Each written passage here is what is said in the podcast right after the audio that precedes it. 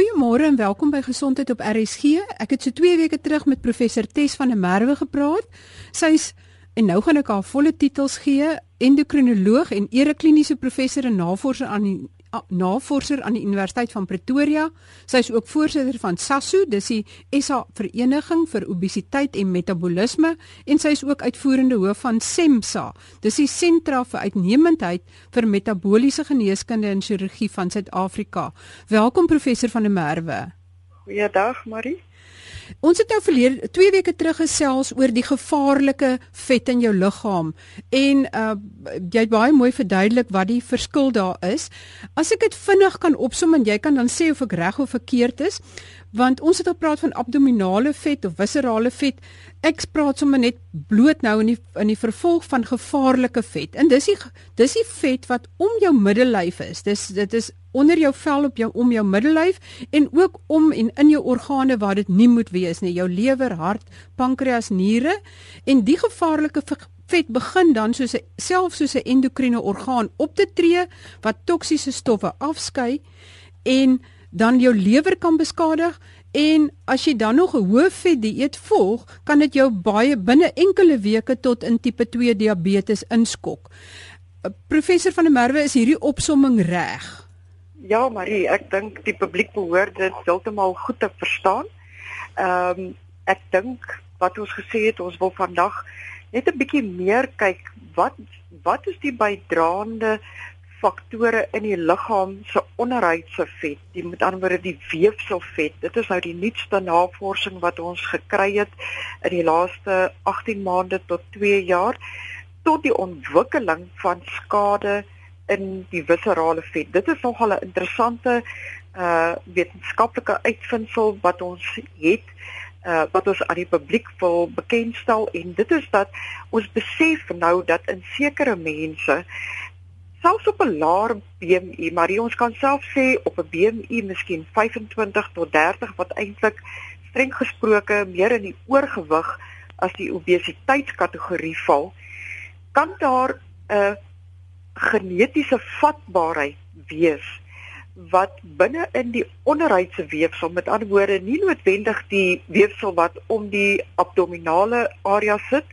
uh maar enige plek in die liggaam sekere uh pro-inflammatoriese molekules kan afskei wat op hulle beurt dan weer 'n ontstekingsreaksie ontlok in die makrofage. Dit is die makrofage is daai selle in jou vetweefsel wat veronderstel is om opruimingswerk en aan inflammatoriese molekules te hanteer en dat daai makrofage dan onder die invloed van hierdie pro-inflammatoriese gene op hulle beurt weer dan 'n tipe van 'n seldood veroorsaak in die vetweefsel wat in die viscerale of soos jy dit dan genoem het, die skadelike of die slegte vet sit.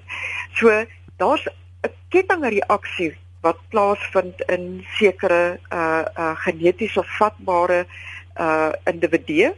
Ons het al baie keer in die kliniek gesien dat mense na ons toe kom BMI 25 tot 30 met abnormale lewerfunksies en die eerste reaksie van die die die die algemene praktisyn is dikwels maar meneer jy moet asseblief ophou drink. Jou lewerfunksies wys dat jy te veel alkohol gebruik. Maar dokter ek gebruik nie veel alkohol nie. En daai redenasie is in wese eintlik verkeerd wat ons weet dat daar in hierdie individue op 'n sekere gewig al 'n geweldige uh, kettingreaksie plaasvind wat hierdie lewerensieme sal verhoog. Ons weet dat daai spesifieke uh makrofage uh wat verantwoordelik gaan weet gaan wees en ek noem dit maar suiwer net vir die vir die akademiese interessantheid is CD11 en CD206.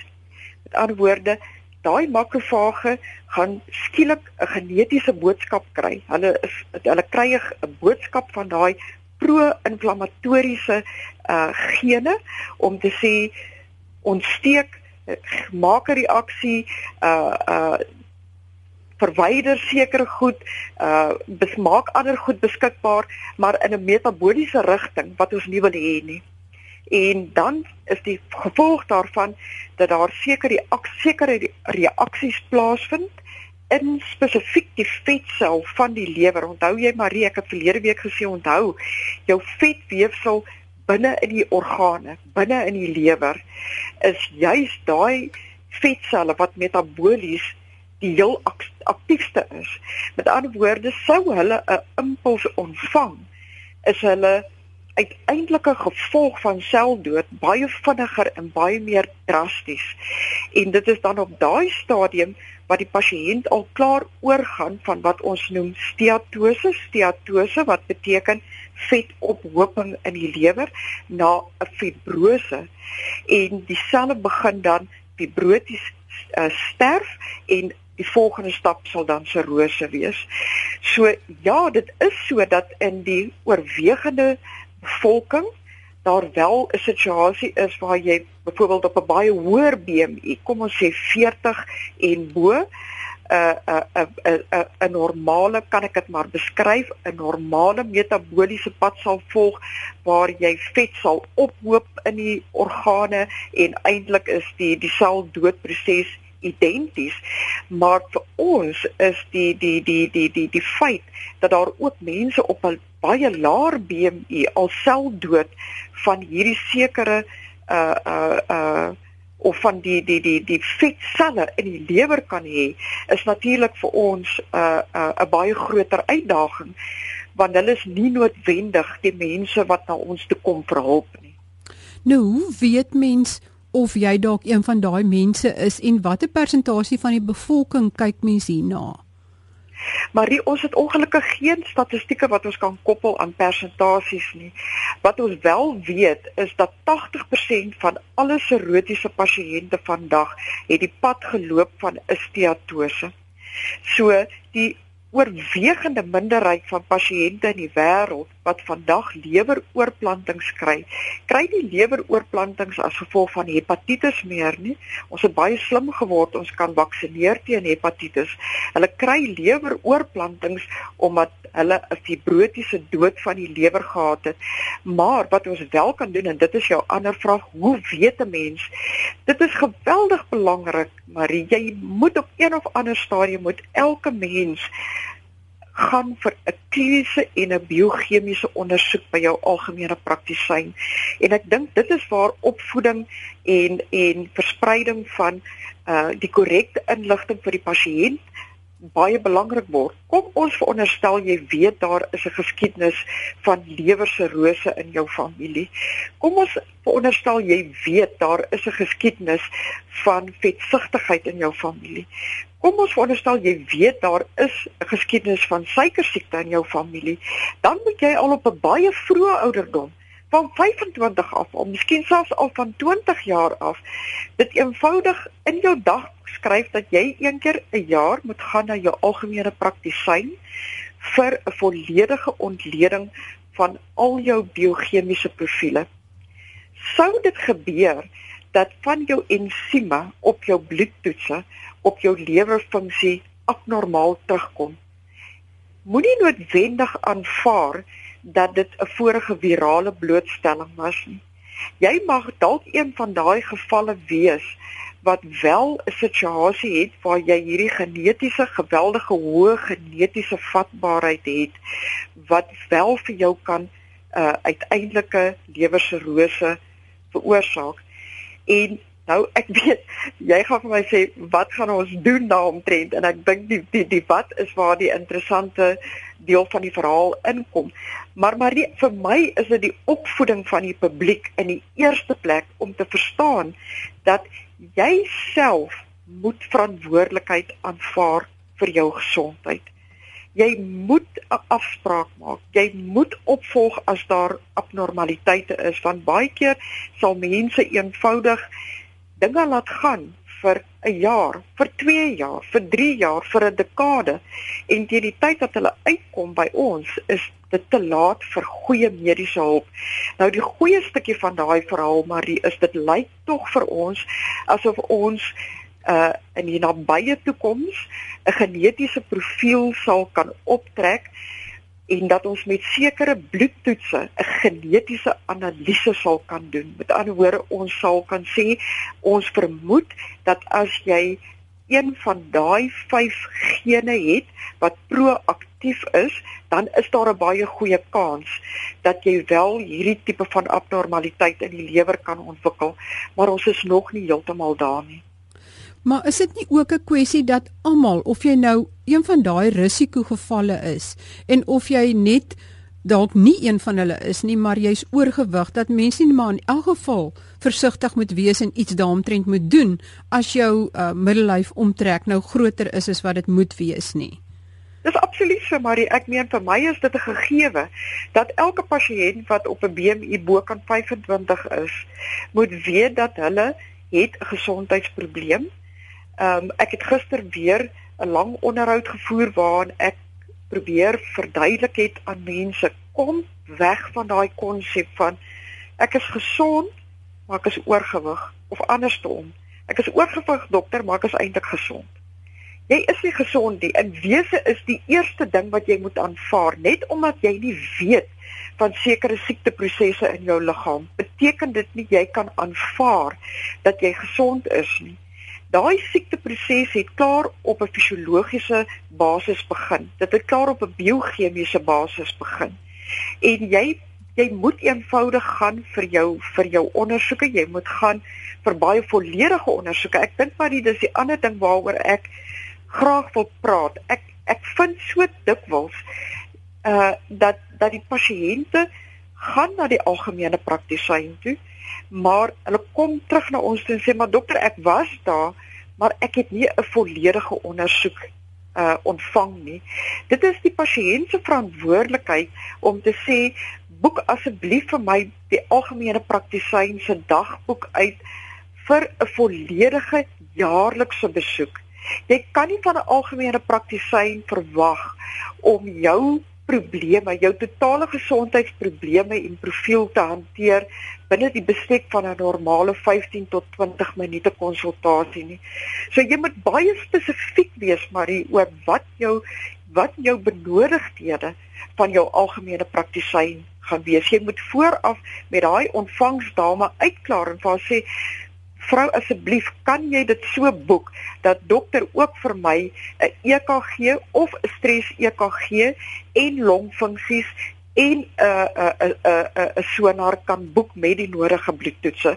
Met ander woorde, ek dink die pasiënt aanvaar dat die dat die dokter uit sy eie uit sal verstaan dat die pasiënt daar is vir 'n baie groot algemene ondersoek. En ongelukkig met die tydsdruk wat ons algemene praktisyns ervaar, werk dit nie so nie. Ja, en ek kan soort van sê dat die by die paar praktyke wat ek al ingeloer het, is dit nie uh, weet vra die pasiënte nie noodwendig vir 'n volledige ondersoek nie. Hulle kom maar in en sit in die ry en en is tevrede met wat die dokter dan sê na 15 minute. Korrek en ek dink dit is baie keer hulle gaan uit noodgebore. Uh hulle het of 'n uh, 'n uh, verkoue of hulle het 'n enkel beseer uh of of die rug is beseer. Dit dit is dit is maar so in die algemeen of hulle voel dat hulle 'n verdieping van hulle voorskrif nodig uh en dit is amper maar net soos 'n tipe van wat ek noem die tiklys, maar die, ek gaan net gou-gou hierdie tik afhandel vir die dag laat ek my volgende stel medikasies kan kry. En ons is lankal al by daai stadium uh verby. Jy jy moet baie baie baie spesifiek wees oor wat jou presiese behoeftes van daai algemene praktisyn gaan wees. Ja, ek bedoel baie mense se houding is moenie krap waar dit nie juk nie. So Hulle hulle dis, wil amper nie weet nie, maar min weet en dat ons moet krap, Marie. ek voel baie sterk daaroor dat ons moet begin krap, want as jy kyk na wat die die die die ekonomiese implikasies is van die uiteinde van hipertensie en die uiteinde van suikersiekte, jy mag dalk vir die oomblik gesond wees, maar punt nommer 1, daar's 'n geweldige geweldige direkte koste wat na jou kant toe gaan kom uh binne 'n paar jaar as jy wel een van hierdie komorbiditeite ontwikkel. Maar ek dink dink mense moet ook moreel eties anders begin da dink daaroor. Jy is ook 'n geweldige indirekte koste. Jy's 'n indirekte koste vir jou regering, jy's 'n indirekte koste vir jou werkgewer. Want elke keer wat jy siek is, gaan jy tyd van jou uh werksverpligtinge afneem of jy gaan vra vir 'n 'n 'n 'n disability grant wat moet ingevul word of jy gaan vra vir vroeë pensioen. Ons sit in 'n land, Marie en ek raak nou 'n bietjie filosofies verskoon, maar as ek 'n bietjie afdwaal van die punt af, maar vir my gaan dit daaroor dat ons sit in 'n land waar ons moet kyk na die sosio-ekonomiese omstandighede van die land en wat elke persoon op 'n individuele vlak kan doen om reg te laat geskied aan dit wat wel moet gebeur. Met ander woorde, waar kan ons ons sente uh, bespaar? Waar kan ons ons rande bespaar en waar kan ons miljoene bespaar? Goed, as ons dan nou almal probeer om te bespaar en ons volg jou raad en ons en ons is nou gediagnoseer en daar is nou 'n fout. Wat kan nou daaraan gedoen word of wat moet mens doen om daai gevaarlike vet te verminder? Goed, maar nou gaan ek weer terug na na na na een van die punte waaroor ek en jy dikwels gesels. Mense moet in die eerste plek hulle self begin indeel in kategorieë van oorgewig.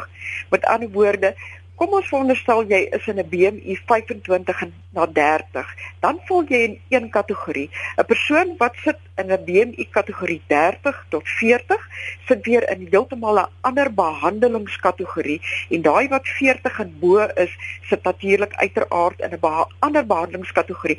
Dit is weer eens dit is belangrik vir ons publiek om te verstaan en weer eens ek dink dit is jou reg as pasiënt om na jou algemene praktisyn toe te gaan en vir hom te sê, "Dokter, maar ek is bewus daarvan dat ek sit in 'n BMI kategorie 25 tot 30. Ek is in die oorgewig kategorie. As ek 10% van my gewig verloor, kan ek waarskynlik ontslaa raak van hierdie steatose van my lewer en ek ek weet ek kan 'n geweldig uh, geweldige verbeterde uh, kwaliteit van lewe en prognose hê. Uh, en as die konservatiewe behandeling dan nie werk nie, kan ons aanskuif na meer drastiese uh uh, uh stappe toe. Met ander woorde, as jy sit op 'n uh, BMI kategorie 25 tot 30, is jou houding met jou algemene praktisyn asseblief ek wil na 'n dieetkundige toe gaan. Ek moet drasties 10% van my gewig verloor. Jy met jou behoefte teenoor jou geneesheer baie spesifiek uitspreek. As jy sit op 'n BMI kategorie van 30 tot 40, is daar sekere van die medikasies, die glitazones, wat al 'n mate van sukses gewys het, maar nie in al die gevalle nie. Maar weer eens, dit regverdig tog 'n 'n 'n 'n 'n pilootstudie om te sê, maar goed dokter, ek is bewus daarvan, daar is sekere medikasies wat ek dalk kan gebruik om om hierdie vet uit die lewer uit te mobiliseer kom ons kyk of dit werk oor 'n tydperk van van 6 maande as daar dan nie 'n verbetering is in die lewer en sieme nie weet ons ons moet oorgaan na die volgende stap. As jy dan op as jy klaar op 'n BMI 40 en bo is Marie en jy het klaar afwykings wat dui op 'n moontlike steatose van jou lewer, dan moet die pasiënt baie baie baie ernstig besin oor metabooliese chirurgie want aan die einde van die dag is dit die enigste hormonale veranderinge wat ons kan meebring binne in die liggaam wat 'n amper onmiddellik as ek sê onmiddellik Marie dan praat ek van binne 8 tot 10 weke na die chirurgie kan daai vet heeltemal hormonaal uit die uit die lewer uitgemobiliseer wees. So dit bring my dan na die volgende stap toe. Wat is die pasiënt te wagte as hulle as hulle kyk na moontlike uitslae met ander woorde waarna waarna kyk jy in terme van jou kliniese en chemiese profiel? Punt nommer 1 jou pasiënt moet weet is sy lewer vergroot? Praat met jou dokter tydens die ondersoek en vra vir hom dokter maar het jy my lewer tasbaar gevind? 'n gewone lewer behoort glad nie onder die ribrand tasbaar te wees in 'n volwassene nie. So as jou as jou algemene praktisyn of jou internis bewus is van 'n vergrote lewer, is dit klaar ons eerste kliniese teken van vetophoping. Gee vir jou dokter die inligting as jy bewus is van 'n pyn onder die regter ribberkas. Dit is baie keer 'n strekking, 'n rekking van die kapsel om die lewer. Die die die die die lewer se kapsel is geweldig gevoelig. Is eintlik 'n geweldige pyn sensasie bewuste orgaan. So met die eerste groot rekking uh uh van daai kapsel gaan die pasiënte van tyd tot tyd 'n dowwe ongemak, baie keer selfs 'n meer ernstige ongemak ervaar in die regter area net onder die ribrand. Moenie aanvaar jy het 'n spiertjie seer gemaak of uh miskien het jy net verkeerd gelê in die nag of dit moet noodwendig galstene wees nie. Korreleer met jou dokter. Dan is dit jou dokter se verantwoordelikheid om die nodige biochemiese toetse aan te vra. Hulle sal weet na watter ensieme om te kyk Dit is jou reg as pasiënt om dit met jou dokter te bespreek en te sê dokter, kan ek asseblief die uitslag van daai lewerensieme sien? Bespreek dit met my dat ek dit kan verstaan. As nie een van daai twee komponente uh uh daar is nie en daar's nog sterk steeds 'n baie streng vermoede dat die pasiënt wel vetinfiltrasie van die lewer kan hê, dan moet jy aandring op 'n wat ons 'n hoogsensitiewe sonar van die lewer. Met ander woorde, dis 'n vorm van radiologie waar hulle op 'n nie indringende basis kyk. Vandag se sonarmasjiene is geweldig gevorder. Hulle kan as gevolg van die digtheid van die weefsel kan hulle baie akkuraat onderskei tussen of ons te doen het met lewervet en of ons te doen het met normale lewerselle en daai sonar sal vir jou baie duidelik uitwys of daar wel vervetting in daai orgaan is. En dan natuurlik die vierde stap Marien, dit is gewoonlik waar jou hoogs gespesialiseerde mense en jou uiters deskundige mense dan ter sprake kom uh soos jou gastro-enteroloog, jou interniste, definitief jou endokrinoloog, mag dit dalk selfs nodig wees vir jou uh algemene praktisyn om of jou intervensie radioloog, hulle doen dit ook deesdae vandag om 'n 'n 'n lewerbiopsie te doen onder radiologiese begeleiding. Met ander woorde, jy word ingeboek daai oggend, uh die uh, nodige area word verdoof en onder radiologiese uh uh, uh toetsing kan hulle presies sien met 'n baie fyn naaltjie dit is dit is dis nie baie ongemaklike prosedure nie kan hulle dan presies gaan na die regte plek in die lewer van daai selle uh neem en dan word dit weggestuur vir histologie. Nou histologie is natuurlik in die wêreld van die mediese uh uh uh uh akademie is wat ons noem jou gold standard, jou goue standaard. Met ander woorde, dit is undisputed. Met ander woorde, as daai histologie sou terugkom en dit wys baie duidelik op steatose en so aan, dan kan 'n mens sê jou pasiënt het werklik nou ehm uh, baie meer dringende uh uh uh uh behandeling nodig. Nou, wat help met die histologie? Is dat ons kan dit geweldig fyn al in stadiums opbreek. Hulle praat van 'n brand classification, 'n BRINT, jou brand classification en daai brand classification kan vir jou indeel in 'n A B C D en dit word ook weer gekorreleer met sekere histologiese stappe wat ingedeel word in stadium 1 2 3 4. As jy klaar gevorder het na 'n brand stage C of D of 'n klassifikasie 3 en 4, dan is daar absoluut geen twyfel daaromtrent nie, Marie. Maak nie saak of die pasiënt uh in die hoër BMI kategorie bokant 40 is al dan nie. Daai pasiënt moet bariatriese chirurgie ondergaan. Nie omdat ons wil hê daai pasiënt moet gewig verloor alleen nie, maar natuurlik 'n bietjie gewigsverlies sal help. Maar suiwer omdat ons daai hormonale veranderinge nodig het uh wat kan meegebring word met 'n gastric bypass om daai vet so vinnig as moontlik ehm um, uit die lewer uit te mobiliseer. Aan die ander kant maar as jy gevorder het tot op 'n suiwer eindstadium 4, dan beteken dit jy is klaar besig om sirrose van die lewer te ontwikkel in watter geval jou internis jou dringend moet verwys na 'n leweroorplantingsspan. Sjoe, professor, dis baie ernstige sake die en die tyd haal ons al weer in en dit lyk my ons het nog glad nie klaar gepraat oor hierdie onderwerp nie, so ons sal maar weer gesels daaroor.